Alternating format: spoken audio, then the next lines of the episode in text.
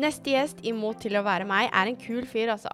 Kai Steffen Østensen er andrekandidat til Stortinget gjennom Arbeiderpartiet. I tillegg til å være ph.d.-koordinator, jobber ved Fakultetet i kunstfag og er generelt en superengasjert type som også er bispedømmerådsleder, hvor han bl.a. har kjempet for homofiles rettigheter.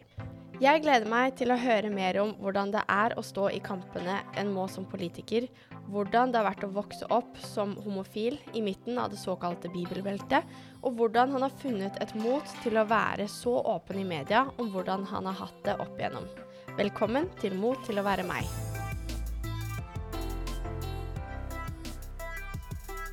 Jeg må, jeg må si hallo. Hallo, hallo. OK. Hallo, Kai Steffen. Hei. Velkommen til Mot til å være meg. Tusen takk for det. Åssen føler du deg i dag? I dag føler jeg meg veldig bra. Litt solbrent på nesa. Eh, det er sol ute, og det er sommer straks. Snart ferie. Det er jo helt fantastisk. Ja? Skal du snart ha litt ferie? Jeg skal det. Jeg gleder meg sjukt til sommerferie. Det tror jeg jo alle gjør, da. Men Ja. eh, liksom, med det koronaåret vi legger bak oss, med lite mulighet til å reise og liksom bare være hjemme, så ser det ut som at denne sommeren kanskje kan gi oss muligheten til å bevege oss litt mer, og det er jeg glad for. Ja. Hvor har du tenkt å reise hen, da? Jeg skal hjem til Farsund, hvor jeg kommer fra. Ehm, Og så Det er jo ikke sikkert vi får muligheten til det. da. Det kommer an på hvor, hvordan denne vaksinestrategien slår til. da. Men det hadde vært sjukt digg om vi bare kunne fått lov til liksom, å dra til Sverige. Men ja, eh, På en harryhandel? Ikke sant? Oh, er! Men du har hørt at de har åpna grensa nå? Og så du de som hadde hamstra 600 liter eh, Pepsi Max eller et eller annet sånt? det kunne vært meg, men eh, Såpass, ja. ja. Men jeg tenker, det er jo det. Men jeg har sett det, og så ser jeg samtidig at de sitter fem timer i kø, så de betaler jo litt for å faktisk Åh. eh, reise, da. ja. Å, fy søren. Da skulle jeg også hamstra Pepsi Max. Ja, det skulle jeg også. Uff. Men du, vi har et litt sånn fast eh, innledningsspørsmål her, som vi starter med. Eh, hvor jeg lurer på hvem er du? Ja, det er jo et stort spørsmål, da. Um, jeg tror nok Hvis du hadde spurt liksom, de hjemme, så ville de sagt ah, Kai Steffen er han der sosiale typen, eh, glad i livet, eh, har hatt sin brokete historie, opptatt av å være seg selv.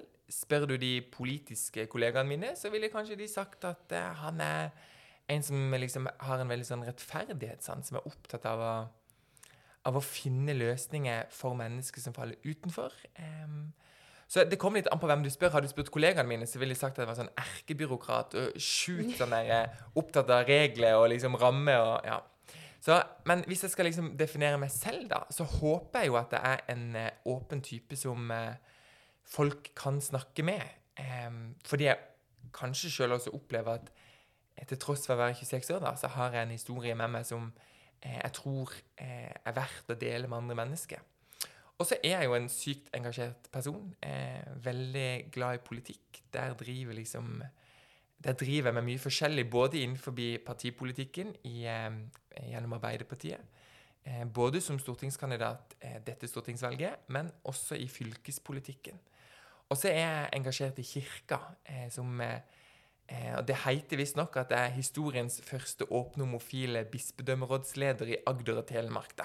Så ikke i Norge, men her nede på Sørlandet, i bibelbeltet. Så det er jo Det er mye arbeid og mye, mye engasjement også i kirka. Ja. Men jeg må spørre om hva, hva vil det si at du er andrerådsleder?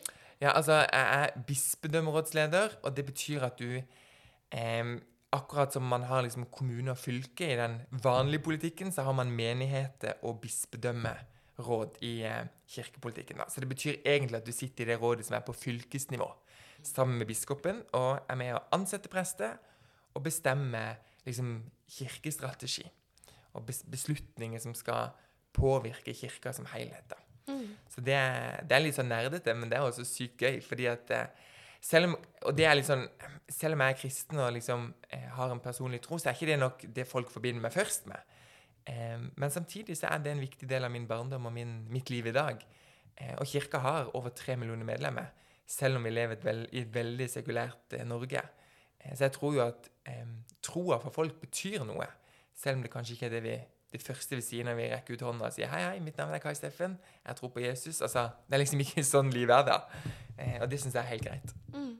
Men åssen er det For du, som du sa, så er du jo også homofil. Åssen har det vært på en måte å, å være så oppe i kjerkesystemet, og samtidig på en måte er det? Nei, altså, nå har jo kirka de siste bare seks årene vært gjennom en kjempeendring. Fra et eh, såkalt kirkemøte, som er det samme som Stortinget, men eh, bare i kirka, så har man liksom i, tilbake i 2014, hvor man sa nei til å vigsle homofile, at homofile kunne få lov til å gifte seg, så har man eh, fra 2015 og 2016 eh, sagt ja til det. Og det vedtaket har jeg vært med på. Så det betyr at man med sine personlige historier har kunnet få lov til å forandre et helt system til at mennesker lik meg selv får muligheter som de før ikke har hatt. Så det, har, det, koster jo å være åpen om hvem man er. Det gjør det jo uansett om det handler om legning eller kultur eller religion. Men jeg tenker at eh, det har gitt veldig mye til eh, mange andre, inkludert meg sjøl. Eh, og så har jeg nok vært veldig mye heldigere enn mange andre. Fordi at jeg har fått lov til å treffe folk som har vist respekt. Og man kan jo se i veldig mange ulike medieoppslag eh, hvordan homofile blir hetsa. Jeg har nok vært en av de heldige som har fått lov til å ha det trygt i oppveksten opplevd at det har vært greit å være homofil i kirka, og som lever et ganske normalt A4-liv i Kristiansand. Mm. Er, altså jeg syns det er veldig fint det du sier om at eh, du har fått vært med på en omstillingsprosess. da. At du har vært med å påvirke i den retningen som du mener at det er, mm. er en del av at du blir akseptert som du er, akkurat som at alle skal jo bli akseptert som de er. ikke sant? Sånn at det er jo veldig fint å være en del av det prosessen, vil jeg tro. Ja, det er det. Og så er vi jo nå i, liksom, i en tid hvor pride feires. Eh, og det, det, utfordrer jo også vi som er liksom kirkepolitikere, til å måtte tenke nettopp det mangfoldet. Den inkluderende kirka. Og det får jo frem noen av de vanskelige diskusjonene igjen. Skal kirka delta i pride? Skal vi heise regnbueflagget? Eh, fordi noen opplever at det også bryter med deres tro og deres eh, Ikke nødvendigvis måte å leve sitt liv på, men deres prinsipper etter hvordan livet skal leves. Og det, ikke sant, For meg virker det veldig rart å måtte liksom skjønne at andre syns det er vanskelig at jeg får lov til å være homofil, at kirka syns det er greit. Men samtidig, så, når man da sitter i et sånt et råd med ni andre mennesker, vi er kun ti stykker, og skal liksom forvalte veldig mange ulike menneskers syn, så krever det jo en balanse. Og den kan være skikkelig vanskelig å stå i noen ganger. Fordi du har lyst til å liksom hilse hjem til dine egne, de som er både i samme bås som deg, de som heier på deg. Samtidig som du vil at de som da er under liksom merkelappen konservative, skal oppleve at kirka også fremdeles har rom til dem. For det er én ting jeg ikke tror på. Det er jo at eh, samfunnet blir likt. Altså likhet der alle må være like, det har jeg ikke troa på. Men likhet i at alle får like muligheter, det er det jeg tror på. Mm. Det, altså, det syns jeg bare er så fint. Altså, jeg, blir så, jeg blir så inspirert av å sitte her og høre på. Så bra. Ja. Altså, men eh, hvor finner du motivasjon til å gjøre det du gjør? For du, du er, er, jo ikke bare aktiv i kjerka, men som du sa, så er du jo også eh, andre kandidat til Stortinget. Eh, du jobber også på universitetet. Gjør du ikke det? Også? Jo, jeg gjør det. Og det er jo noe med nå jobber jeg 100% på Fakultet for kunstfag eh, som ph.d.-rådgiver eh, og holder på med mange andre ting. Blant annet så er jeg liksom eh, ansvarlig for en sånn strategisk oppfølging på bærekraft, som er veldig spennende. Men det, er ikke sant, det der å ha en 100% jobb, å være politiker i tillegg, være engasjert i kirka i tillegg, samtidig som du både har en samboer og en svær hund på 50 kilo. Så det krever jo litt, da. Og så er du ja. onkel, du har liksom familie, du har venner. Eh, så engasjementet mitt ligger nok i et ønske om å få lov til å bruke min stemme til å gjøre verden litt mer rettferdig. Og det høres veldig sånn der, ah, klisjé. Han er en politiker som vil at folk skal oppleve verden litt bedre.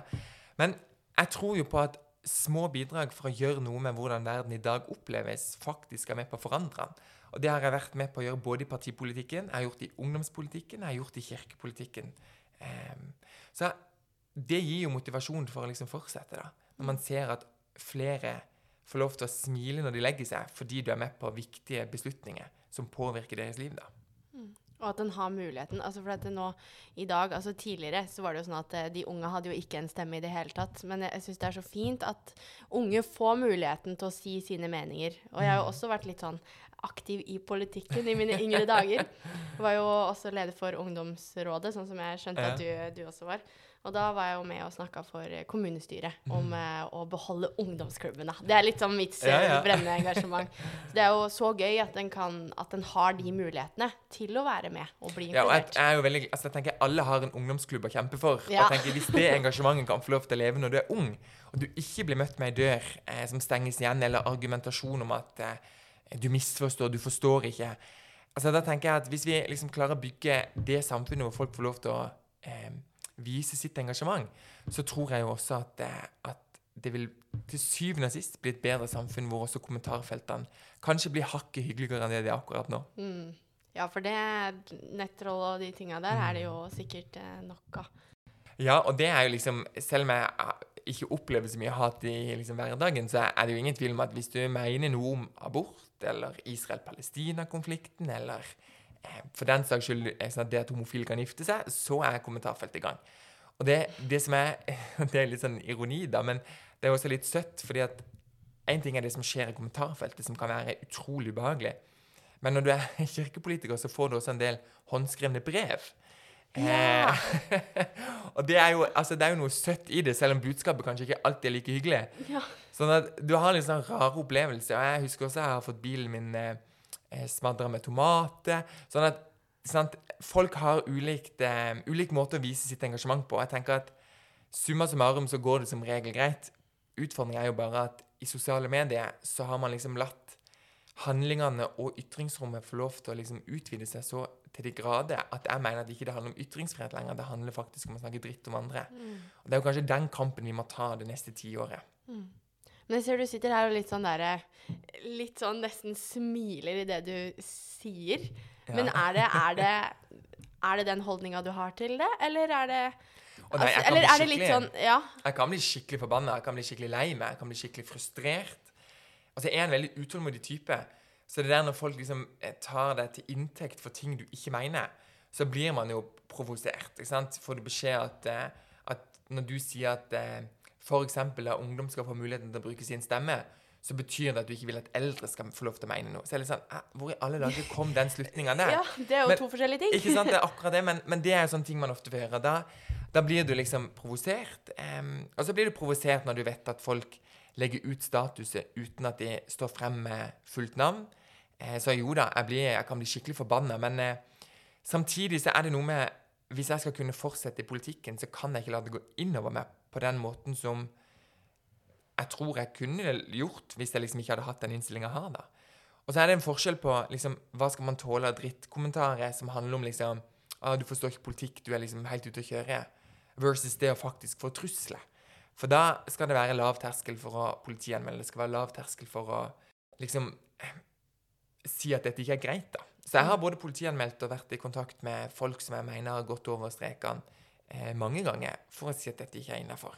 Og så er det noen som velger å gjøre det offentlig. Jeg har valgt å gjøre det litt mer skjult, fordi jeg mener at det, det kan gi de menneskene som trår over, muligheten til å liksom beklage. Og noen ganger så tror jeg det er faktisk bare det de trenger. De mente det ikke på den måten det ble sagt, men i med liksom ei øl innabords for mye eller en sein nattetime, så var det det de valgte å, å kommentere. Så jeg- ja, jeg smiler når jeg snakker om det, men det er fordi jeg syns det er så surrealistisk at man liksom må ta disse diskusjonene. Samtidig som det er en viktig påminnelse om at demokrati er ikke noe vi har, det er noe vi får når vi jobber for det. Og det er jo veldig gode poenger. Uh, og som Vi også, vi snakka om det på Europakonferansen, hvordan de unge kan bruke en stemme i demokrati, og hva betyr egentlig demokrati for oss. Og jeg tror nok veldig mange kanskje tar demokratiet også litt for gitt. Ja, det tror jeg, og jeg tror um, det er jo en av de største utfordringene. Hvis vi ser i verden i dag, så er det jo mange demokrati som eh, ikke lenger er demokrati, men blir sånn skinndemokrati. ikke sant? De kan stemme, de kan få lov til å bestemme hvem som skal eh, sitte med posisjoner. Men samtidig så funker det ikke sånn eh, egentlig i praksis. Det er ting som blir gjort bak lukka dører. Og jeg er jo evig takknemlig for at vi har fått den såkalte gullbilletten for å bli liksom født og oppvokst i Norge, selv om det også har noen ulemper med seg.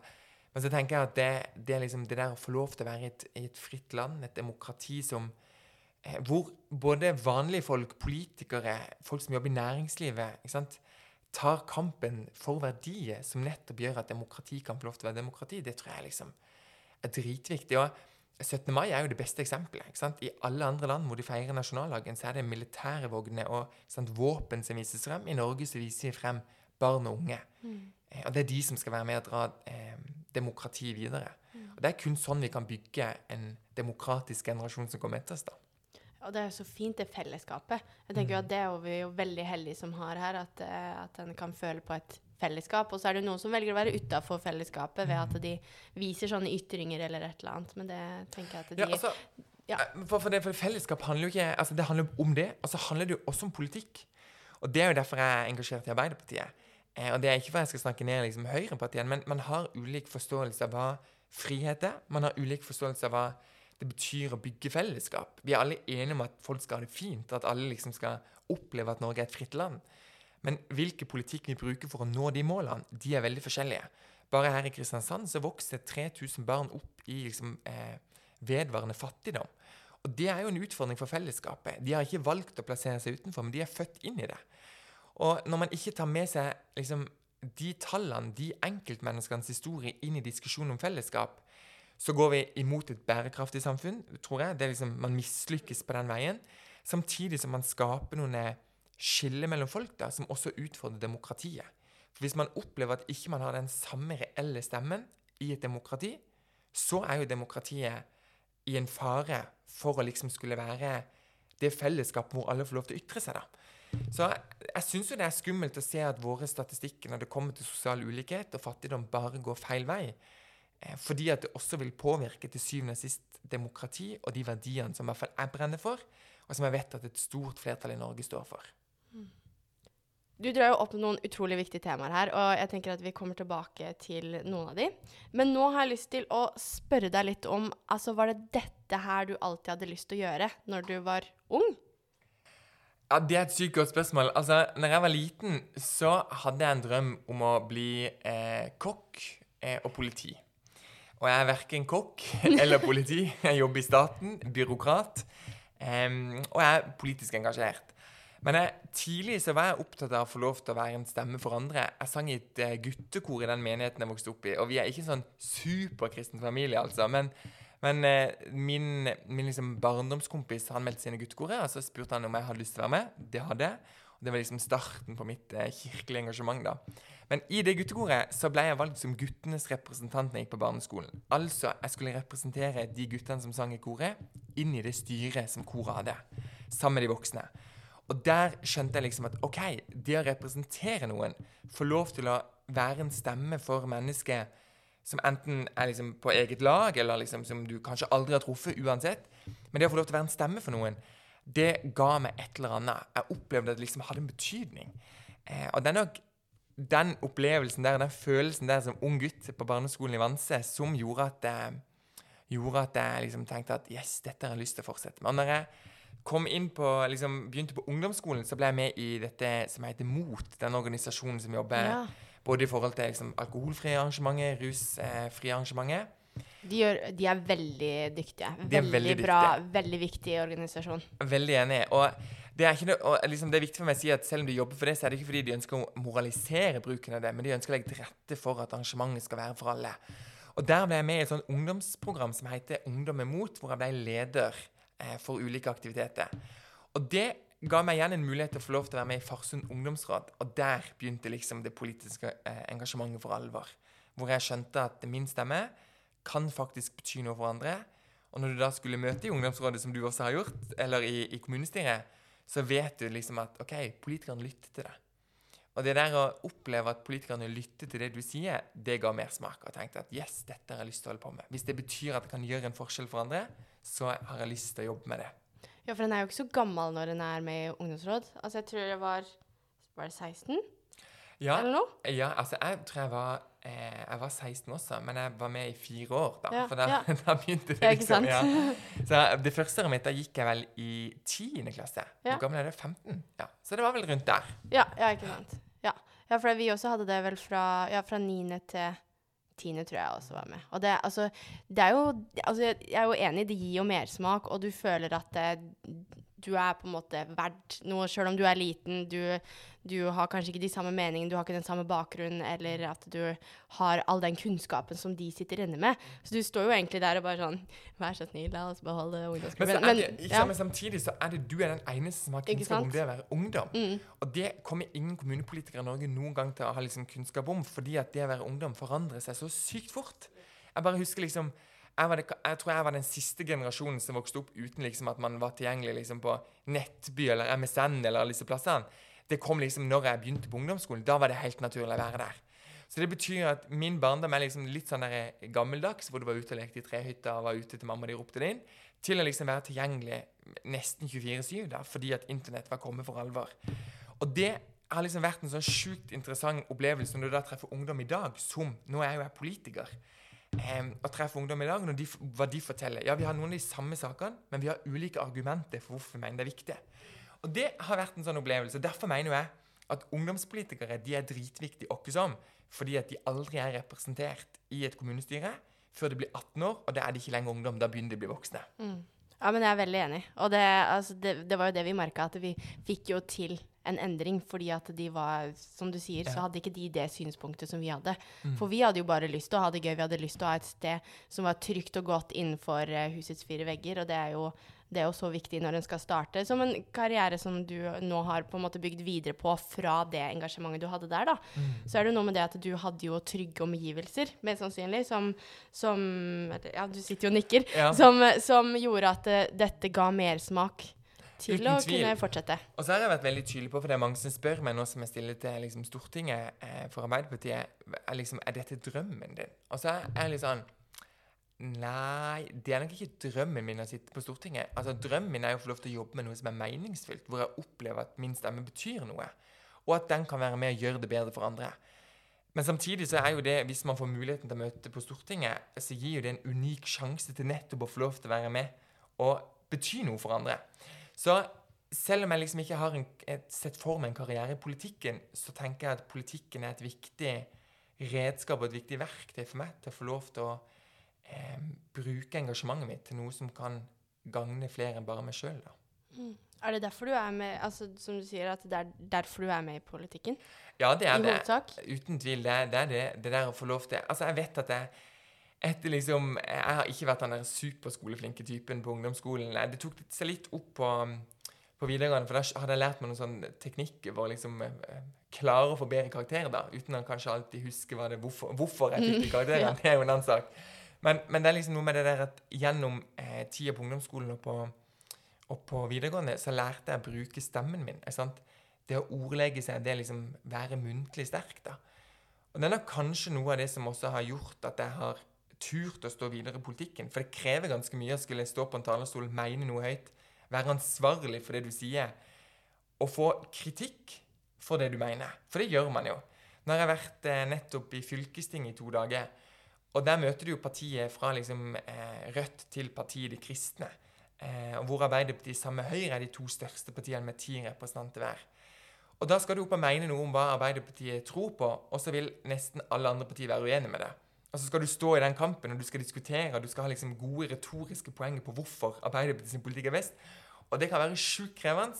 Samtidig så tror jeg at fordi jeg, liksom var norsk og den muntlige biten i norskfaget jeg var best på på videregående, at det kanskje er der jeg liksom kan ta med meg noe da fra, fra skolegangen. Mm. Ja, for det, det, det syns jeg er utrolig interessant med politikere. Eh, fordi at når de da går opp på talerstolen, litt som du skisserer her, så er det det at de går opp de vet hva de skal si. De er så saklige. De kommer til poenget. Noen kommer jo absolutt ikke til poenget også. det, det skal jo sies. Men så er det liksom at den Og så, så, er det bare sånn derre mic drop hver gang de er ferdig. Det hører jeg litt mm. tendenser til når du også er ferdig. Liksom. Avslutter setningene dine. Det, det, er veldig gøy. Um, så, så, altså, vet du hva? Det er, det er så rått. Er, ja. ja altså, det er fordi man er i mange engasjert. debatter. Ja, ja, man er i mange debatter. ja. Til slutt så blir det jo litt sånn at Det vet jo vi også når vi er i politikken, at det er litt sånn spill for galleri. Fordi vi vet ganske ofte hvordan sakene ender. Mm. For vi, vi, kan telle til 49, som er liksom antallet representanter i fylkestinget. Og det betyr at når du kan telle til 49, så vet du at du må ha liksom halvparten av dem for å få gjennomslag. Og det er 25 representanter. Og hvis du har 25, så er det litt sånn åkke som hva du sier på talerstolen. Men du gjør det jo likevel fordi at det er en del av demokratiet. Det at folk skal vite hva du mener, hvor du står.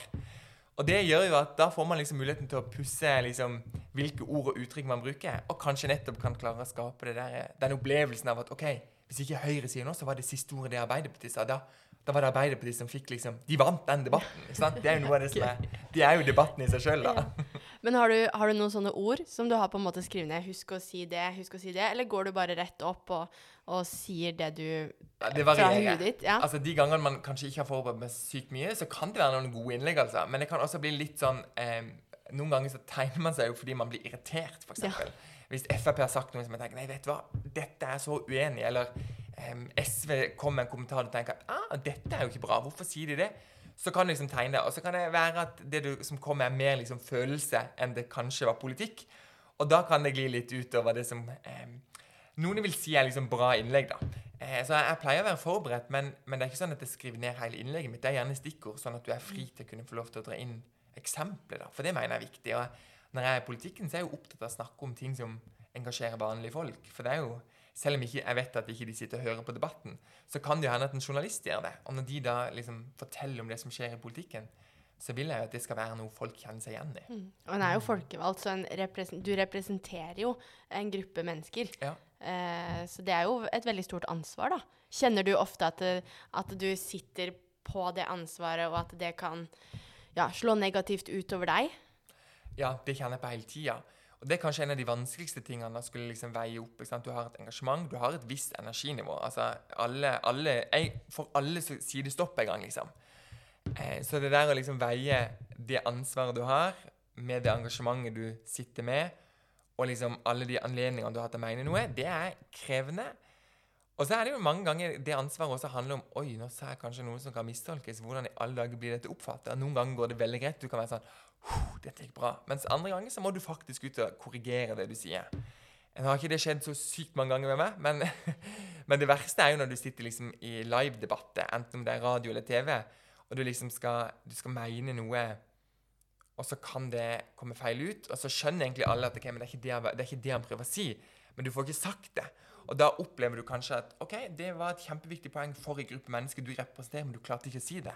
Og det er kanskje de kjipeste opplevelsene. Du fikk muligheten, mikrofonen var der, men du bomma.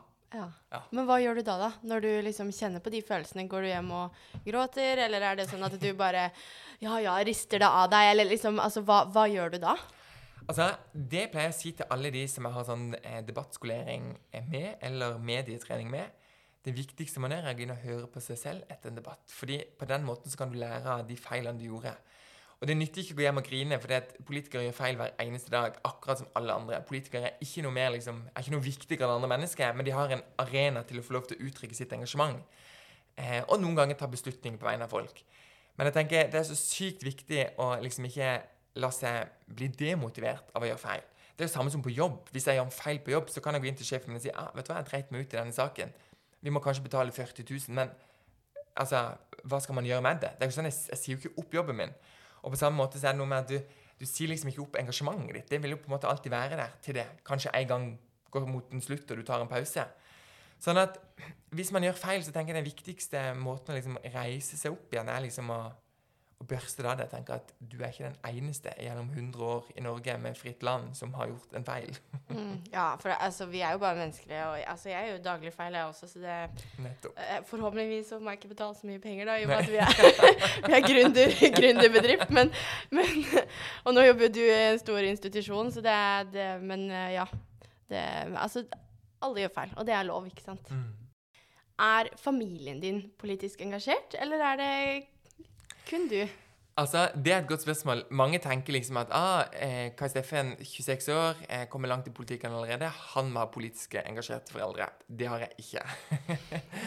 Men jeg har veldig samfunnsengasjerte foreldre som er opptatt av å være med liksom, når jeg sang i kor eller var i korps eller gikk på eh, kajakklubb. Så, så var de opptatt av å være med liksom, i styret og liksom, engasjere seg rundt eh, våre aktiviteter. Så har jeg en storesøster som er veldig engasjert eh, i forhold til liksom, mangfold og barns rettigheter, jobber i barnevern. Og så har jeg en lillebror som er, er tømrer, og han er politisk engasjert. Og han har vært i kommunestyret i Farsund for Fremskrittspartiet. Eh, mens jeg har Oi! sittet i kommunestyret for Arbeiderpartiet. Så det er jo litt sånn eh, dag og natt. Du, det er jeg litt interessert i å høre litt om. Hvordan, hvordan er det rundt eh, familiebordet når dere For å si det sånn, det er veldig avklart. Så Ja. det, de store diskusjonene, de, de dropper vi, for vi vet at vi er uenige om en del ting. Men jeg kommer jo fra en familie med enormt stor takhøyde. Og for en som er skeiv kristen, oppvokst midt i bibelbeltet, em, så har det vært sykt viktig at min familie har hatt den takhøyden. Og at meg og min bror har fått lov til å være politisk engasjerte på hver vår side i politikken. Og selv om vi er liksom uenige, så er vi også veldig like på mange ting.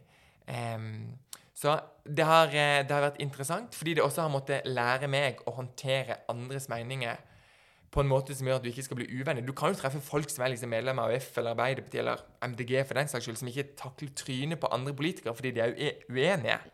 Men der har jeg liksom skjønt at hvis, hvis jeg skal leve etter den filosofien, så kan jo ikke snakke med min egen lillebror. Så, så vi har funnet noen fine måter å gjøre det på. Og så var vi begge to nye i kommunestyret, så det var jo sånn, det var fint å lene seg på hverandre. Eh, og det skapte jo en trygghet, selv om ikke vi var enige i alle saker. Men hadde, har dere hatt noen diskusjoner, altså annet på talerstolen, da, eksempel? Som dere har gått og liksom Ja, da var det deg, da var det deg. Ja, vi har hatt eh, et par saker, men vi har oftest vært enige. Eh, og det er jo fordi ungdomspolitikere er ofte enige om de samme tingene. ikke sant? Og vi kom jo fra ungdomspolitikken. ikke sant? Så det å snakke om lærlingeplass eller ungdomsklubben eller legge til rette for skatehall, altså de tingene var vi enige om. Men vi har vært sykt uenige om f.eks. skattepolitikk eller innvandringspolitikk eller hva vi mener om Sylvi Listhaug. ikke sant? Altså, Der er vi uenige om ting. Og det handler om verdiene våre, om hvor eh, hvor vi står på den verdiskalaen, og hva vi legger til grunn som viktigst. Eh, men så er vi nok også veldig like fordi at vi er veldig opptatt av familie. Vi er veldig opptatt av liksom de nære skal ha det godt. Og vi er veldig opptatt av at når vi først bruker stemmen vår, så gjør vi det for å gjøre ting bedre for menneskene som er rundt oss. da. Så jeg tror nok at vi har mange av de samme vi har mange av de samme verdiene, selv om vi nok har ulike argumenter for hvorfor vi står der vi står. da. Det, altså, det syns jeg er veldig, veldig interessant. Hvordan søsken kan på en måte ja, gå i to ulike retninger, da. Men, vi har jo også en veldig ulik oppvekst, eh, i den grad at han har liksom vært eh, fotballspiller, har vært opptatt av liksom eh, eh, guttene sine, gått yrkesfag, liksom hatt et annet løp enn det jeg har hatt. ikke sant? Eh, vært i kirka, vært liksom eh, i homomiljøet, vært liksom i eh, et miljø med, hvor, sant, hvor, hvor du har hatt sykt mange jentevenner, vært opptatt av likestillingskampen. Sånn at man har liksom to veldig forskjellige utgangspunkt for hvor vi, hvor vi er da, selv om vi kommer fra samme plass og har en sykt bra familie og veldig godt forhold i dag. Så jeg tror, jeg tror det spiller inn der. ikke sant? Hvem er det man har i hvem har man i feeden sin, og hvem får man liksom tilbakemeldinger fra? Ja, og så er det jo altså det er jo Arv og miljø har jo alt å si. Så det er jo ikke bare Ikke sant? det er den, som du sier. Og så tenker jeg at det vi tar med oss hjemmefra, er jo liksom akkur akkurat det der med at man kan eh, få lov til å være seg sjøl, da. Det er kanskje det aller viktigste vi har lært hjemme. Og derfor vi også har vært veldig ulike. Eh, fordi at mamma og pappa har aldri sagt at nå må vi korrigere barna våre, for nå mener den ene noe feil i forhold til den andre. Så det, og det er jo jeg veldig glad for. da. Men i dag så er han ikke, han er ikke så politisk engasjert i dag som han var for, eh, i forrige periode, når vi satt i kommunestyret sammen. Ja. Men det er jo veldig fint da, at uh, en hjemmefra har fått eh, den støtten som, det, som du gir uttrykk for Ja. at du, du har fått. og sånt, At, det, at en eh, alltid har det i grunn. For da, da tør en jo kanskje å stå mye mer på egne bein og ha litt mer mot til å være seg sjøl. Ja. Og, og våger og tør og sånt. da. Mm. Tror du det har vært viktig? Ja, det tror jeg har vært viktig. Og så har vi jo en veldig forskjellig historie. ikke sant? Um, han har hatt sin historie med en bror som kom ut av skapet, hvor han var i en tøff gutteklubb. liksom, ikke sant? En gjeng hvor man liksom mener jo jeg da, det er ikke sikkert han er enig i det, men hvor man skal bevise noe. Um, og hvor jeg vet at han syntes det var vanskelig at jeg kom ut av skapet. Ikke fordi at han liksom syntes det var dumt jeg var homofil, men det har vi snakka mye om i etterkant.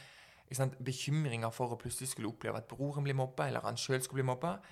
Eh, mens for min del så var det en kamp om å få lov til å være meg selv. ikke sant? Stille meg på barrikadene, rope høyt 'Endelig kan jeg flagge fana mi'. Hvor står jeg? Hvem er jeg? Så vi har jo litt ulike eh, inngangsporter. Og så eh, tror jeg at det at vi har hatt en trygg oppvekst, da, også har gjort at vi, vi har blitt de menneskene vi er i dag. Eh, hvor vårt engasjement har fått lov til å eh, leve sitt liv, og at de valgene man har tatt i livet, da, de har ikke blitt uglesett. Om det er liksom å ta fagbrev eller ta bachelorgrad, så spiller det liksom ikke noen rolle, fordi at vi er opptatt av at barna våre skal lykkes eh, med utgangspunktet de har. da. Og jeg syns det er like bra at han har fagbrev som at jeg har bachelorgrad. Jeg tror, hvis ikke jeg tar feil, så tror jeg han fikk fagbrev, fagbrev lenge før jeg fikk bachelorgraden min. så ikke sant? Jeg tenker at det, det, ligger en styrke i det der at man opplever at man lykkes. da. Det er kanskje det viktigste. Denne episoden er sponset av South Coast Creative. De driver med kreativ og dødskul innholdsproduksjon som film og foto over hele Sørlandet. Vi har også brukt de i Bærekraftsfestivalen, noe som har fungert over all forventning. Og teamet og våre samarbeidspartnere har vært superfornøyde med både gjennomføring og ferdig filmprodukt. Derfor bruker vi de selvfølgelig også nå for å få godt fotoinnhold til podkasten. Så hvis du har et arrangement eller en bedrift som trenger å markedsføre seg selv gjennom film eller foto, er South Coast Creative gjengen å kontakte. Sjekk de ut på Facebook, Instagram eller nettsiden deres. Men jeg, eh, jeg lurer på om Har du et tips eh, til de som ønsker å få sin stemme hørt?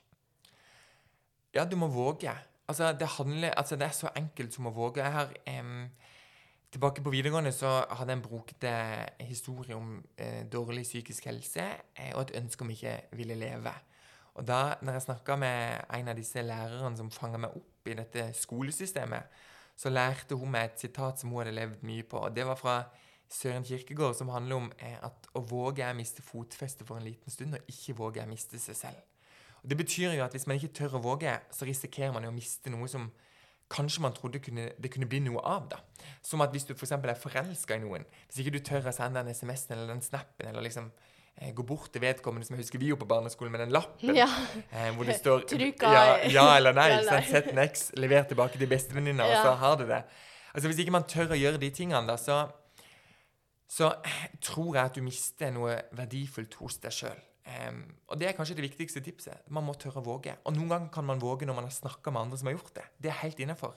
Spør om hjelp. Det er aldri sånn at man skal finne på kruttet på egen hånd. Jeg tror jo veldig på at man lener seg på andre, eh, men at man likevel da, når man har gjort det, må tørre å våge. Mm. Og så er det vel sikkert noe med det at, som du har sagt litt tidligere, at alle er jo mennesker, og mm. alle på en måte ønsker jo hverandre godt i utgangspunktet, mest sannsynlig, og, og at, at en da ja, altså Alle har jo sine erfaringer, sin historie. Jeg tenker mm. at Det å våge handler om at du må ta med deg de erfaringene inn i det der, liksom, liksom på, på, hoppkanten. Og så bestemmer du deg skal jeg hoppe, eller skal jeg falle. Hvis du faller, så mister du deg selv. Hvis du hopper, så når du liksom andre sida av den sprekka, og da har du liksom gjort noe.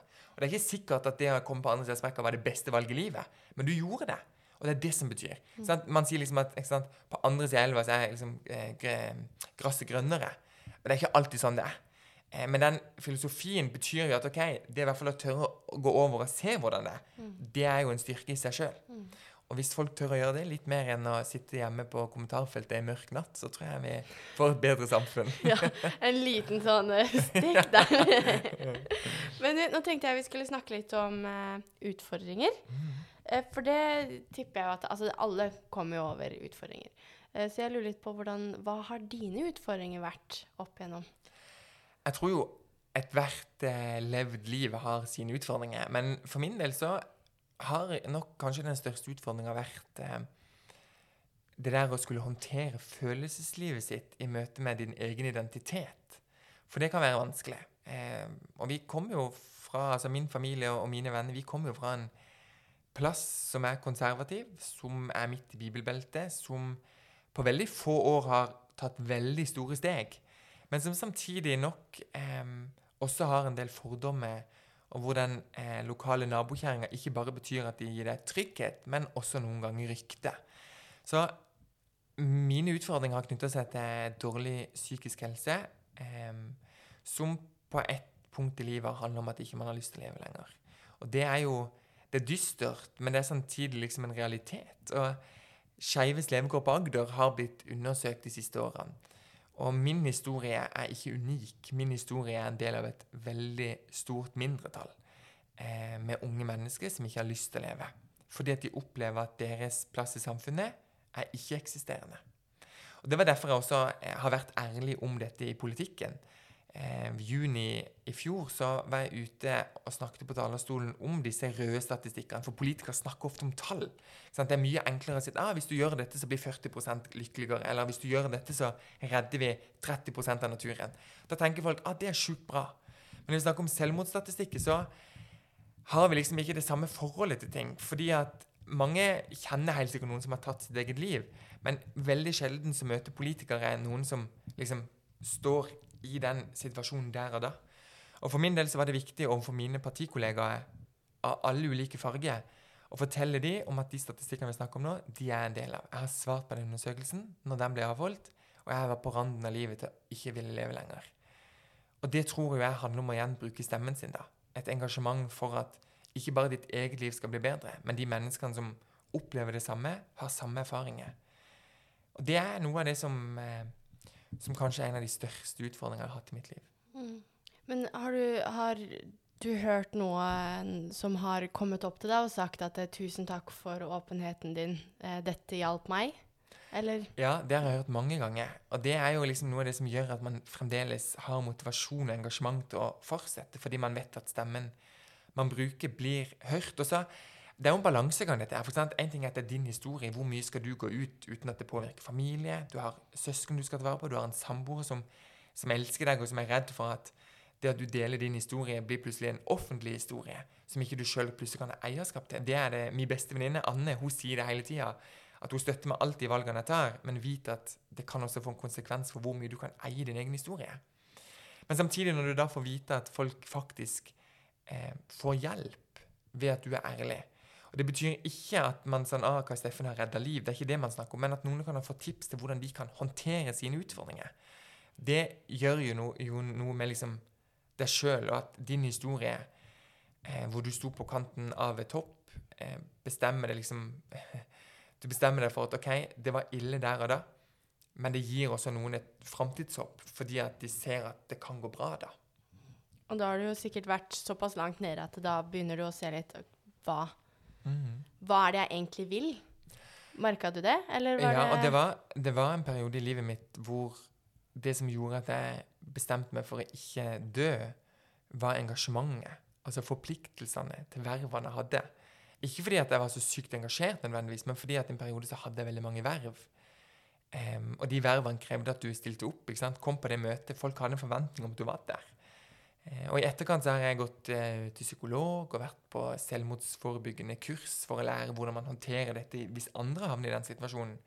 Og Noe av det de sier, er jo at det viktigste du gjør, er å forplikte de til å måtte møte opp på et møtepunkt eller i en samling eller for en samtale. Det kan være med å redde liv. Og det skjønner jeg jo at mitt engasjement redder jo også mitt eget liv eh, når jeg opplevde at min identitet var for tung å bære. Og det er jo veldig fint da å kunne ha et sted å gå til, og sånn som du snakka om egentlig før vi skrudde på mikrofonen, at en hadde et fellesskap, at du fant ditt fellesskap i AUF bl.a., mm. eh, og føler en tilhørighet. Det er jo utrolig viktig for alle. Det, jeg tror, det, jeg tror liksom det er forskjellen på om man lever gode liv eller ikke. Eh, og vi snakket om det i stad også, dette med sosiale forskjeller som øker. Det betyr at noen faller utenfor. Og når noen faller utenfor, som vi også har snakket om i stad, så går det utover de store samfunnslinjene. Det handler om enkeltmennesket.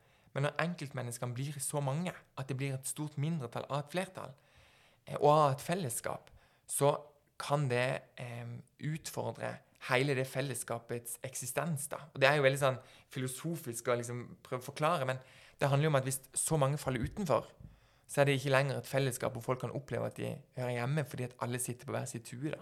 Mm.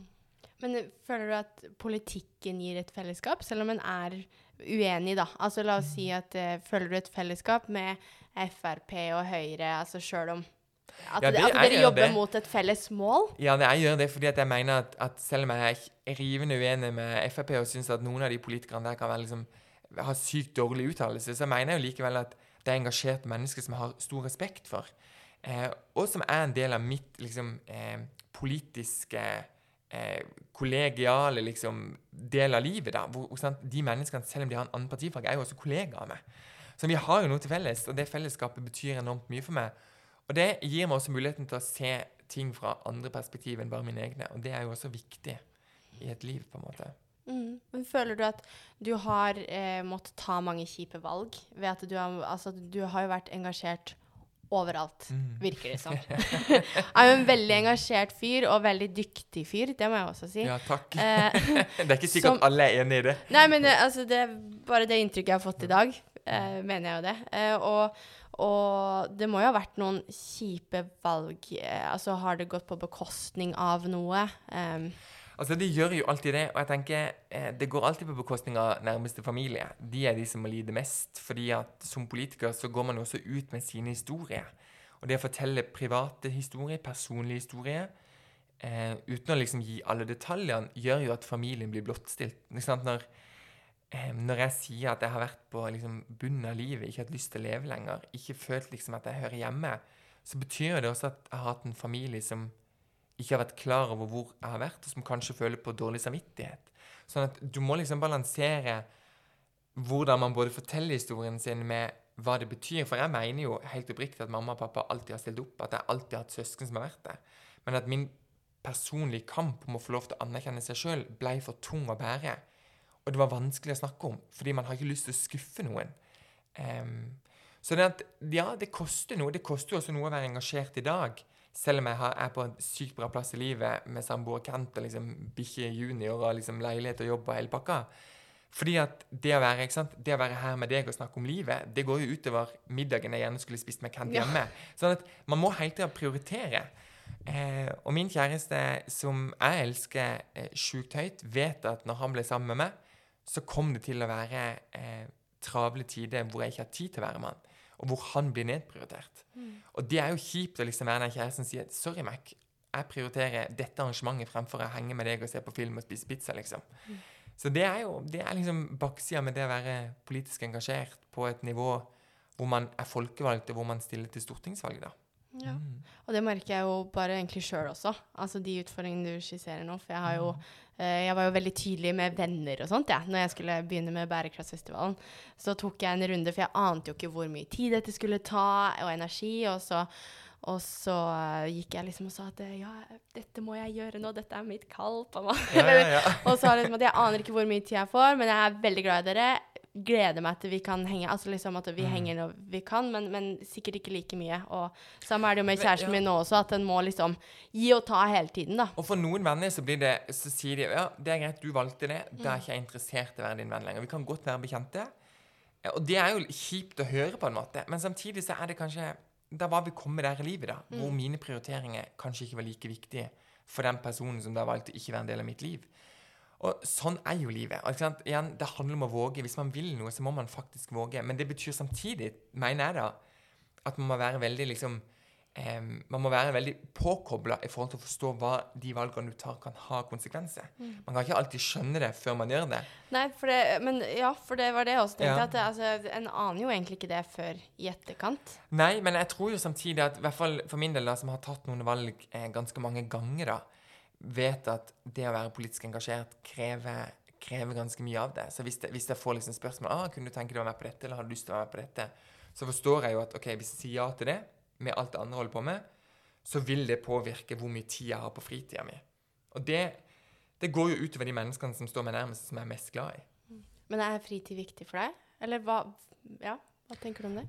Ja, fritid er sykt viktig. Og det er noe med at jeg har et vanvittig engasjement eh, og et sykt høyt eh, aktivitetsnivå og et sykt høyt liksom, eh, arbeidspress hele tida.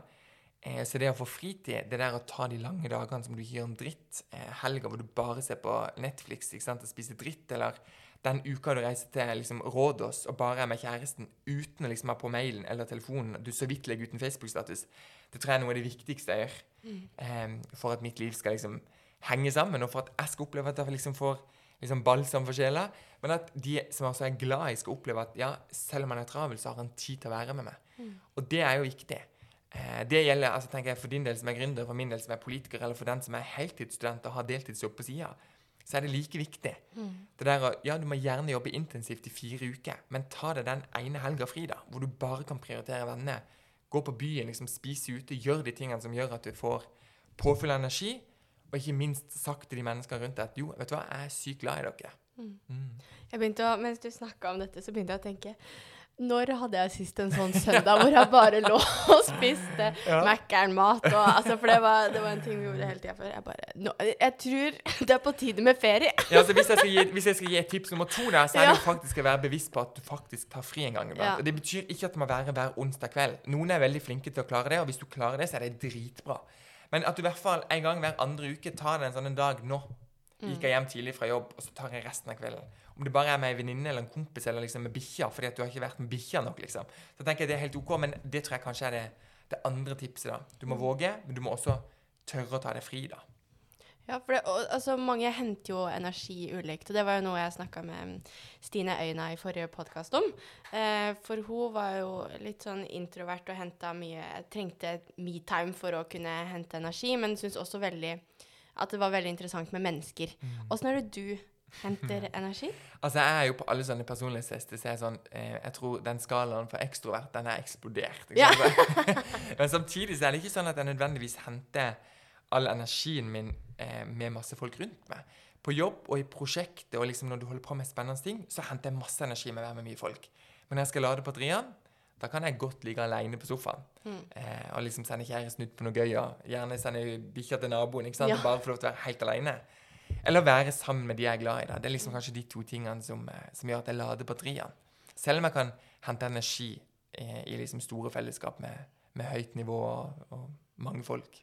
Ja, for det er jo noe med det, eller det merker i hvert fall jeg, da. At når jeg er rundt og gjør masse forskjellige ting, så møter jeg mange ulike folk. Mm. Og det er det som gir meg energi. At det liksom OK, ny impuls der, neste impuls, neste Ja. Altså at det går litt sånn. Men når du da kommer hjem, så er du jo egentlig ganske ferdig for kvelden. Det, det merker i hvert fall jeg. Ja, enig. At det å kunne se på en episode før en legger seg, Ja. er eh, Eller bare en halv en fordi du en- sovner. Liksom. Ja, det er noe med det.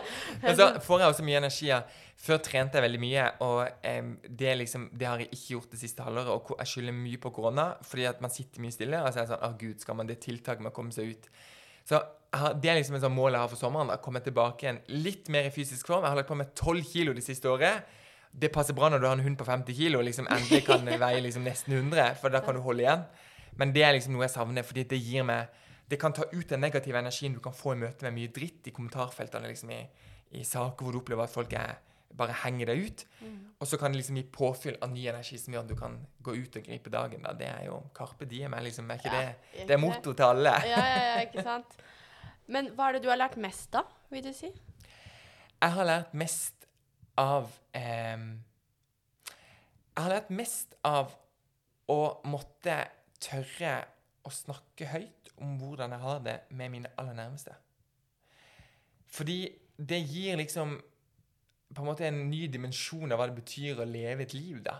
Og det høres jo veldig sånn eh, kanskje absurd ut, men det der å faktisk måtte fortelle mamma og pappa at nei, jeg har selvmordstanke, og dere må hjelpe meg, det, det pålegger jo de et vanvittig ansvar, samtidig som det sier noe om meg at mitt liv har en verdi som andre er nødt til å være med til eierskap til. Eller når jeg snakker med min bestevenninne Anne om liksom, eh, utfordringer i livet, ikke sant? eh, hvordan ting er vanskelig. Det er kanskje noe av det som eh, lærer meg mest, fordi at de også har sine levde liv, hvor man liksom kan lære av det å, det å bli sterkere som person. Og når jeg først blir sterkere som person, så kan jeg gå inn i de rollene jeg har, med en, et annet fokus da, enn at det bare handler om saken. Eksempelet mitt med lillebroren min, som har vært Frp-medlem i Arbeiderpartiet, det har jo gitt meg mye at vi har liksom kunnet være ærlige med hverandre. Jeg har lært mye om hvordan jeg skal møte andre som jeg er uenig i. Em, så det, det tror jeg kanskje er noe av det som har lært meg mest da. Mm. Tror du at du er mer reflektert av at du har vært innom det du har vært innom? Em, det er et sykt vanskelig spørsmål, fordi jeg tror nok jeg eh, kanskje noen ganger over gjennomsnittet reflektert, andre ganger lite reflektert og litt for kjapt på avtrekkeren. Så ja, jeg tror nok at eh, mine erfaringer i livet har gjort meg mer reflektert, men samtidig så tror jeg at eh, man blir mer reflektert etter hvert som man liksom opplever ting i livet. Da. Sånn at eh, jeg blir nok mer reflektert om Dorte enn det jeg er i dag, samtidig som jeg nok aldri har vært mer reflektert enn det jeg er akkurat nå. Ja. Men jeg lurer på, har du fått mange muligheter på veien?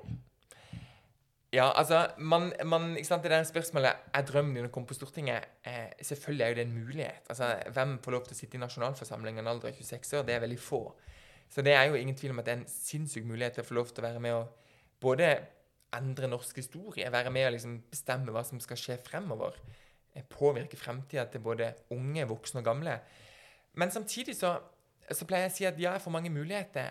Men jeg tror kanskje det viktigste som jeg pleier liksom å gjøre med, som jeg hele tiden må minne meg på, det at, jeg, at når jeg får alle de mulighetene, så betyr det at jeg er sykt privilegert. Så når du spør meg eh, tar det tid, eller er det liksom eh, sluker det energi å være politiker? Ja, det gjør det, men samtidig så er jeg sykt privilegert. Så ja, jeg har fått sykt mange muligheter til å være politiker. Em, og det, det er jo plusset med å få lov til å være engasjert. da. Mm. Samtidig som jeg vet at det er mange som er like engasjert som meg, som ikke får de samme mulighetene. Sånn at um, jeg er jo ikke bare privilegert fordi jeg er politiker, jeg er jo privilegert fordi jeg har fått mange muligheter. Men har du alltid fått de, eller er det noen du har kjempa for også? Bak enhver mulighet så ligger det beinhardt arbeid. Sant? Em, så det er jo ikke sånn at, det er ikke sånn at ah, der kom han hyggelige Kai Steffen. Han gir vi en mulighet. Vær så god. Ja. Det er ikke sånn at du vinner Lotto, liksom. Um, sånn at det ligger sykt mye arbeid bak det. Det ligger eh, både liksom, private, personlige i forhold til, til liksom, min historie med selvmordstanke og det jeg ikke ønsker å leve lenger, til å jobbe hardt i politikken for å liksom, oppnå resultatet. Så ja, det, det kommer ikke av seg sjøl. Og hvis folk tror at det kommer av seg sjøl, så må de ta seg en lite da må de ta seg en liten pustepause, og så må de gå inn og se på hva vi faktisk har gjort. Mm. Derfor blir jeg så sykt jeg blir så sykt provosert når folk er sånn ah, 'Du skal på Stortinget, du er 26 år. Du er sånn broiler.' Hæ, Så blir det en sånn, sånn? en sånn broiler som bare Du har bare liksom starta, så har bare alt funka, så har du bare liksom blitt lagt til rette for at du Ja. skal nå målet på toppen. Så jeg sa, vet du hva? Fuck off. Det stemmer ikke. I det hele tatt. Altså, man jobber jo beinhardt på for det man tror på. Mm. Så det der som, disse gamle mennene, det gubbeveldet som går ut og sier at ah, nå kommer ungdommen og tror de skal få plass, så tenker jeg sånn, vet du hva? Jeg har gjort så mye mer enn det du har gjort på 50 år Ja. i løpet av mine siste ti år som engasjert. Så det er litt sånn, det er litt sånn utakknemlighet man noen gang møter da, når man er ung eh, og lykkes og får muligheter. Men eh, jeg er veldig bevisst på at jeg har jobba beinhardt for å få lov til å være der jeg er i dag. Og det gjør jo også at jeg er stolt over liksom, mulighetene jeg har. da. Mm. Men jeg tror det er Det merker jeg også, at, eh, at eh, mange ikke kanskje skjønner all den jobben som ligger bak det hele. At en tenker at eh, 'Å ja, dere fikk til det. Ja, kjempe, kjempebra.' Og så er det sånn Jeg sitter her og liksom bare Blod, svette, tårer, på en Ja. måte. Altså, det er, jo, det er jo nesten litt sånn det, sånn det er. Det er akkurat det også. Men, men for min del også så er det viktig å huske på at mine muligheter har jo vært andres kamper også. Sånn som f.eks. muligheten til å gifte seg i Den norske kirke som homofil. Selv om jeg var med og vedtok det, så har det jo vært en kamp siden vi avkriminaliserte det at to menn hadde sex sammen. ikke sant? Alle de menneskene som har gått opp den sant, eh, stien for at jeg kan plutselig hoppe på i siste sving og si nå tar vi det liksom over målstreken. Um, det har jo vært vanvittig viktig for at mine muligheter er der de er i dag. da. Så jeg er veldig sånn, det er jeg veldig liksom, bevisst på at selv om jeg har jobba for mine muligheter, så er det mange andre som har lagt til rette for at jeg skal få lov til å være der jeg er i dag. Og, um, så det tror jeg også er viktig å si, da. Men hva er det du ser på som altså, nå fremover, da? Eh, og jeg tenker jo, du, du er jo i politikken. Eh, og skal jo kjempe en litt sånn kamp nå eh, for å komme inn på Stortinget. Hvordan er det? Hvordan er den prosessen? Altså, Nå er det jo valg 13.9., og det er jo litt sånn det er jo, det, Dette syns jeg er sykt vanskelig, fordi at em, i, selv om vi nå har blitt ett fylke, så er det to valgdistrikter. Det er ett i Vest-Agder, det er ett i Aust-Agder. Og i Vest-Agder så er det seks mandater man liksom kjemper om. Og de seks mandatene, det er jo de folkene som skal sitte på Stortinget. Og de regnes ut fra en sånn sinnssyk modell i forhold til hvor mange stemmer du fikk. Og selv om du blir det nest største partiet, så skal også det fjerde største partiet ha et mandat. Selv om? Så, så selv om Arbeiderpartiet er det nest største i dag, også, og vi får ett mandat, så skal også Frp, som er det fjerde største, ha ett mandat. Sånn at man må liksom skjønne alle disse utregningene. og ikke, jeg, jeg forstår det ikke. Jeg tror aldri jeg kommer til å forstå det. Men jeg har visstnok fått vite at jeg er en av de som kjemper om det siste mandatet. Som betyr at helt fram til liksom valget gjennomføres, teller hver eneste stemme. Og nå gikk jo Høyre, heldigvis for Arbeiderpartiet, ned 9% på sist måling i Vest-Agder. Og Det betyr jo at vi aldri har vært nærmere å faktisk kunne få inn to. Sånn at eh, kampen den er sykt spennende, fordi at alt kan skje. Ingen har peiling på hvordan det faktisk blir til slutt. Og fordi at eh, det som skjer ute i debattene akkurat nå, det påvirker visst veldig. Hvis du hadde gått tilbake til april og så på meningsmålingene da, så hadde liksom, da var Høyre oppe på 30 ja, i gamle Vest-Agder. Mens nå, to måneder etterpå, så er de nede på 21% Arbeiderpartiet er på 20 Det er 0,7% som skiller hvem som er størst. Og det påvirker hvem som får to, og hvem som får én. Så sykt spennende. Altså, Ja. hva, altså, Altså For min del så er- er- er dette handler jo om min liksom, Ja. hva skal jeg gjøre de neste fire årene. Ja, Og så må jeg si at Det er sykt kult hvis jeg får lov til å komme på Stortinget. Jeg skal gjøre min beste jobb for unge på Agder. Mm. Men det er liksom ikke Det er ikke sånn at det blir jeg blir ikke lei meg hvis jeg ikke kommer inn. Jeg er veldig liksom innstilt på at jeg skal fortsette på UiA og jobbe der liksom Mm. de neste årene.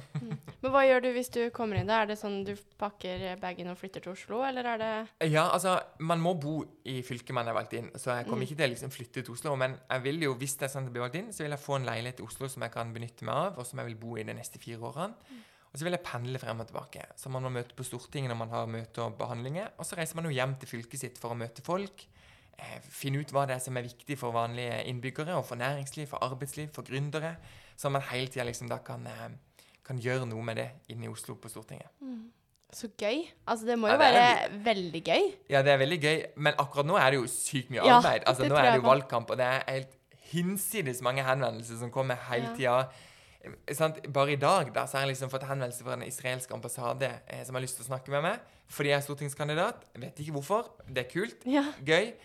Det Og så får du liksom e-post av liksom, eh, disse, dette forbundet som jobber for MC-motorsykler. Sånn at du skal liksom ta stilling til sykt mange forskjellige ting, da. Og jeg tenker at begge ting, begge menneskene, begge institusjonene har viktige saker de brenner for. Men for min del så skal du liksom sortere mellom sykt mange ting. da. Og når du er 26 år og Du har et levd liv, men det er bare 26 år. Så krever det veldig mye å sette seg inn i veldig mange ting. Så det, det er, det er sjukt gøy, men det er også veldig krevende. Ja, men jeg tar meg sjøl i å sitte her og måpe, da. det, det, er, altså, det er jo helt rått. Altså, det jo, du må jo ha kunnskap om så mye, og virker jo så dyktig i det du gjør. Det sa jeg jo i stad òg. Men, altså, jeg, nei, men jeg, blir, jeg, jeg sitter her og blir Men vi er jo litt et sånn lag, da. Det er viktig. Ja, ja, en kandidat, og bak en kandidat, så er det jo et stort fellesskap som er med å heie deg frem, og som du kan liksom spørre om råd. Politiske rådgivere, du har et eh, kommunikasjonsapparat. Sånn at du har mange som kan hjelpe deg. Men til syvende og sist, når mikrofonen kommer, så er det du som har svaret, og da er det liksom vinn eller forsvinn. Ja. Men, hva, men hva er det du nå Altså sånn helt konkret, da. Ja. Hva er, hva er stega dine frem mot valget nå? Nå er det eh, først å ta noen uker ferie, hvor du liksom planlegger litt hva er viktig å, å gjøre de neste månedene. Eh, og så kommer vi til slutten av juli. Da er det liksom forberedelse til de aktivitetene vi skal gjennomføre. Det er bedriftsbesøk, det er liksom menneskemøte, det er leserinnlegg som skal lages, det er kronikker som skal skrives, intervjuer som skal gjennomføres.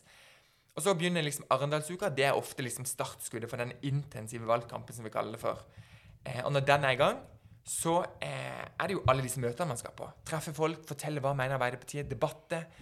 Eh, og 10. august så starter jo forhåndsstemminga for vanlige folk i Agder. Da kan jo både du og meg velge å stemme. Og da, da, liksom, da skal du liksom ha sagt det som bør være sagt, selv om valgkampen egentlig starter den intensive da, 16. august. Så vi begynner liksom seks dager etter at liksom folk kan begynne å stemme. Og da er det ett kjør fra du står opp til du legger deg. Ja, ikke sant? Frem til valgdagen. Men jeg liker litt det at du sier at du skal ta en ferie nå for å begynne å planlegge hva du skal gjøre de neste ukene. Altså Mye er planlagt. Vi har allerede en fullpakka kalender. Men Ja, man må liksom få planlagt litt liksom, Hva skal man si? Hva, hvem skal man treffe? Hvorfor er det viktig at jeg treffer akkurat de menneskene? Sånn at man må liksom, det, det er nok det jeg skal bruke ferien min på. da. Eh, I tillegg til å slappe av og være med kjæresten. og Mm. Ja, det er familie. viktig. Ja, Det er familie å- Farsund. Ja. Ja, ja men det er, så det er så viktig det å ta og senke eh, skuldrene og Mm. ta seg en pust i bakken, i hvert fall når du skal overfor en så krevende periode. For da, blir det jo, da må du jo være på hele tiden, Ja. ser jeg for meg. Det er helt sant. At det er ikke noe sånn at du Altså, det er kanskje, kanskje du føler litt mer på det? Eller det, nå la jeg ord i munnen på deg. Ja, men, men men det, er det, altså, det er jo ekstremt krevende å skal være på hele tida. Og det er liksom Nå har det vært sykt mye arbeid i forkant av liksom, eh, sommerferien, og så vet du at du skal tilbake til akkurat det samme når du er ferdig med ferien. Mm. Så det er jo sånn, Man ser jo litt med skrekk på det, samtidig som man har skikkelig, skikkelig sommerfull i magen og gleder seg. Det er litt sånn sant? Studiestarten husker jeg liksom var sånn Mm. sykt bra. ikke sant? Ny student i Kristiansand. Eh, Da var jeg singel. Du hadde hele livet foran deg. Så det er litt den samme følelsen når du skal inn i valgkamp. Eh, men samtidig så vet du at det kommer til å koste sykt mye energi å være beinhardt to liksom the bitter end og valget 13.9. Men tror du at du kommer til å føle at det er verdt det uansett, om du kommer eller ei? Ja, for all del. Altså, Mitt mål er ikke nødvendigvis at jeg skal komme på Stortinget. Mitt mål er at vi skal få ny regjering. Og hvis vi kan få det, så tror jeg at Agder vil tjene på det. Og det er jo liksom mitt, eh, mitt politiske mål, da. Ja. Så jeg- kommer til å være glad uansett hvordan dette valget ender, så lenge vi liksom får en ny statsminister. Ja, men det blir, altså, det blir jo en veldig spennende periode framover, da. Det gjør det. Det blir sjukt spennende. Men en ting jeg også lurte på Hvis du føler du på det hvis du møter et menneske, og så føler du ikke at du får sagt det du mener? Mm. Altså at du, at du ikke klarer å vise personen hvem du er? Kjenner du på det da? Ja, det gjør man jo hele tida, spesielt hvis den personen du treffer, er en journalist som skal sørge for at det som kommer ut, liksom er til sykt mange mennesker. Men det aller verste er nok når du treffer de menneskene som kommer med, med sine liksom, livshistorier og forteller at politikken du fører, gjør at mitt liv blir sånn. Da er det vanskelig å liksom skulle prøve å si ja, men det er ikke dette vi vil. Vi vil at du skal ha et bra liv. Fordi du må både anerkjenne at de har det jævlig kjipt, og så må du anerkjenne at din politikk kanskje ikke var den beste, samtidig som det er den du skal forsvare. Så det er kanskje de vanskeligste, vanskeligste menneskemøtene, da. Det høres ut som det er veldig mange konflikter litt sånn hele tiden som du må ta, ta stilling til. Du Ja. er jo sikkert veldig løsningsorientert. Altså, man, man lærer seg i hvert fall å tenke sykt fort. Hva er liksom, Når du sier noe, så ligger du allerede og tenker på hva er min neste replikk eller min neste kommentar, for at du alltid liksom skal i hvert fall fremstå som noen som vet hva du holder på med. da. Og det gjør, altså Politikere vet nesten aldri hva de holder på med. Det er, mitt, det er min sånn greie. fordi at man blir jo, ikke sant, Karrierepolitikere, de som er på Stortinget, de skal jo mene veldig mye om veldig mye forskjellig, og veldig få de har en utdanning innenfor det. sånn at etter hvert så kan man jo veldig mye, men når man begynner, så er man jo veldig blank på ting. Og det tenker jeg, Vi må ha liksom lave skuldre og, og, ro rundt det, da. For, at, for vi alle har vært nye i gang, og det skal vi alltid være. Og selv om jeg er liksom 26 og forhåpentligvis lever til er 100, når jeg blir 70, så skal jeg også oppleve nye ting. Og da må man ha den samme innstillinga, tenker jeg, til at vi får bare lære det på nytt, da. Men du er en karrierepolitiker, du? Vil du ikke si det? Eller? I og Altså- med at du også tenker inn på Ja, da, altså, jeg, jeg, Det har aldri vært et mål at politikk skal være min karriere. Jeg har alltid sagt at den dagen liksom, jeg er mer opptatt av å komme inn i et verv enn å få lov til å jobbe med politikk, så må noen si ifra. Da har jeg liksom, da har jeg, miss, da har jeg bomma liksom i livet. Eh, Så så lenge det er noe, noe jeg kan gjøre fordi at jeg brenner for noe, så kan du godt kalle meg liksom det du vil. Da bryr jeg meg ikke om det er karrierepolitiker eller hva Steffen er engasjert. Eh, Men den dagen det handler mer om vervet enn politikken, da, da pakker jeg sakene og drar. Ja. Men det, er jo, det handler jo litt om å huske på de grunnverdiene også. Akkurat. Gjør det ikke det? Mm, akkurat. Men jeg lurer litt på, hva betyr det for deg å ha mot til å være deg? For meg så betyr det at man tør å være ærlig om hvem man er. Stå i det, selv om det koster sykt mye. Og så betyr det Det betyr at du tør å være ærlig med de som er nærmest deg. Fordi det er ikke så sjukt viktig hva du legger ut på Facebook eller hva du liksom snapper på, på Snapchat til andre mennesker. Hvis ikke du tør å være ærlig med de som er nærmest deg, om hvem du er, hvor, hvordan du har det. da. Så det er kanskje det, er kanskje det, det beste svaret på det spørsmålet. Hvor finner du inspirasjon til å gjøre det du gjør? Jeg finner inspirasjon eh, hos veldig mange, men eh, familie er jo en veldig inspirasjon til å liksom stå på. Eh, kjæresten også, bestevenninna mi Anne. Eh, men også AUF, som er en del av ungdomspartiet til Arbeiderpartiet, er jo en sykt liksom, motivator og inspirasjon for å gidde å stå på i, i, i politiske debatter, liksom for politikk, for rettferdighet, for mangfold, liksom for kjærlighet. Altså, det er jo liksom det det syvende og sist handler om, da. Så det er mange som engasjerer meg, også vanlige mennesker som jeg treffer liksom Um, og når jeg sier vanlige mennesker, så er det ikke fordi jeg er så sykt spesiell, men liksom folk som ikke nødvendigvis er med i politikken. da. Um, fordi at de har sin historie, og den er viktig for meg. Um, og i hvert fall hvis vi brenner for de samme tingene. Så jeg tror jeg engasjerer seg veldig mange forskjellige.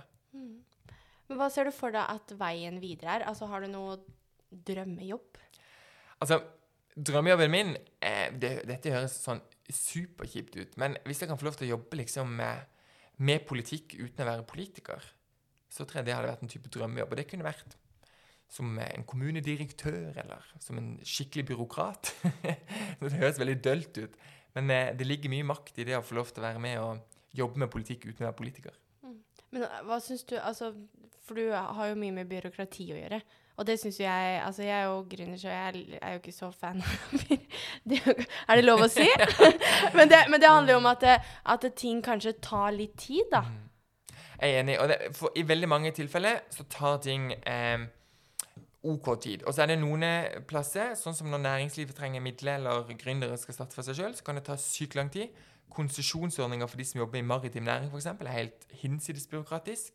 Det er sånn byråkrati som jeg ikke liker. Men, men i noen tilfeller er også byråkrati viktig. fordi eh, hvis man liksom kan ta bort tanken om at byråkrati er noe dritt, så handler jo byråkrati om at man skal kvalitetssikre ting. Og jeg, jo- jeg syns jo at man skal ha kvalitetssikra vedtakene som kommer fra Nav, sånn at de menneskene som faktisk har krav på hjelp, får hjelp. Jeg mener jo også at det er viktig at man har byråkrati på et universitet, sånn at karakterene som blir gitt, blir gitt riktig. At ikke du fikk en F når du kanskje skulle hatt en B. Sånn at byråkrati er ikke bare liksom det der kjipe, trause, treige systemet. Det er jo også kvalitetssikring og sørge for at tingene vi gjør, blir gjort på en bra måte. Og når det blir gjort på en bra måte, så er det også grunnlag for et godt demokrati, for folk har tillit til systemet. Og det er viktig. Hilsen byråkraten. Mic drop! Nei, men du, altså, det er jeg veldig enig i. Og så er det jo bare at Mm. Men jeg altså, er enig en med trenger- deg i at vi kan gjøre noe med byråkrati på mange plasser. altså, For all del, jeg må si det. ja, men det er, jo, altså, det er jo to sider av det. ikke sant? Altså at det er, En trenger de som på en måte er litt på eh, Sparker inn dører og sånn, men så trenger vi de prosessene Mm. for eh, den kvalitetssikringa, som du sier. Nettopp. Så det, altså, du er god, altså! I like måte. Det er jo helt rått. Ehm, svarte du på hva drømmejobben var nå, eller havna vi på et helt Nei, annet altså, Nei, det var byråkrat, da. Det var byråkrat. det var Stemmer. Kommune... Nei, nei, men nei, nei. Og så kommer jeg og Han som sier gikk at på Stortinget og bare egentlig vil være byråkrat. Det høres ikke Nei, men altså, det jo, altså, det er jo så viktig. Og det er jo, eh, det er jo det som driver samfunnet. Det er jo sånn samfunnet er bygd opp. Og der er jo Arbeiderpartiet uenig med Høyre, da, eller høyresida. sant, der mange sier at det er markedet som er styret. Så jeg er enig i at markedet skal være med i styre. Men hvis man ikke har en sterk stat, eller en sterk offentlig som faktisk kan komme, putte penger inn i viktige prosjekter, være med liksom kvalitetssikre, så kommer vi ikke til å liksom eh, ha et levedyktig eh, samfunn som stadig er i utvikling. da. Når vi hadde finanskrise under Jens Stoltenberg-regjeringa, så var det jo nettopp det staten gjorde. Putta penger på de eh, sektorene som ble ramma av krisa.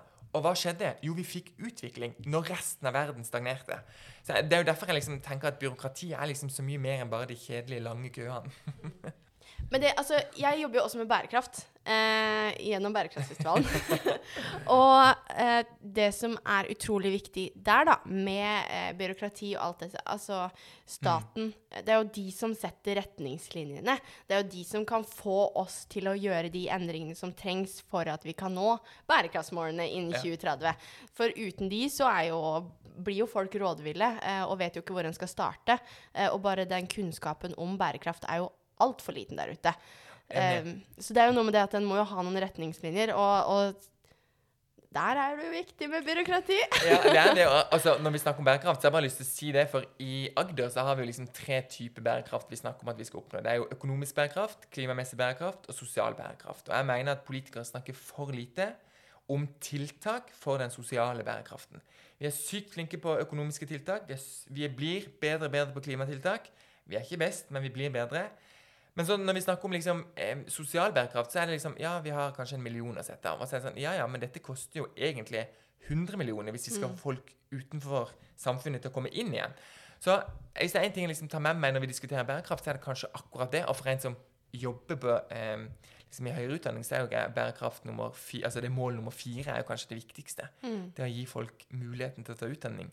Gir de også mobilitet i hverdagen, egentlig. Ja. For de kan velge mellom ulike ting. De får liksom eh, muligheten til å lykkes. Og det betyr ikke at de må ta en bachelorgrad. Altså, de må gjerne ta yrkesfag. Det heier jeg virkelig på. Eh, min lillebror som sagt, har jo et fagbrev, men jeg tenker det er sånn ekstremt viktig. da. Og da kan man gjøre noe med den sosiale bærekraften. Ja, men det, det er veldig viktig. Og det er, altså, ja, noen må gå foran og si hva som må gjøres, og putte noen noe penger der.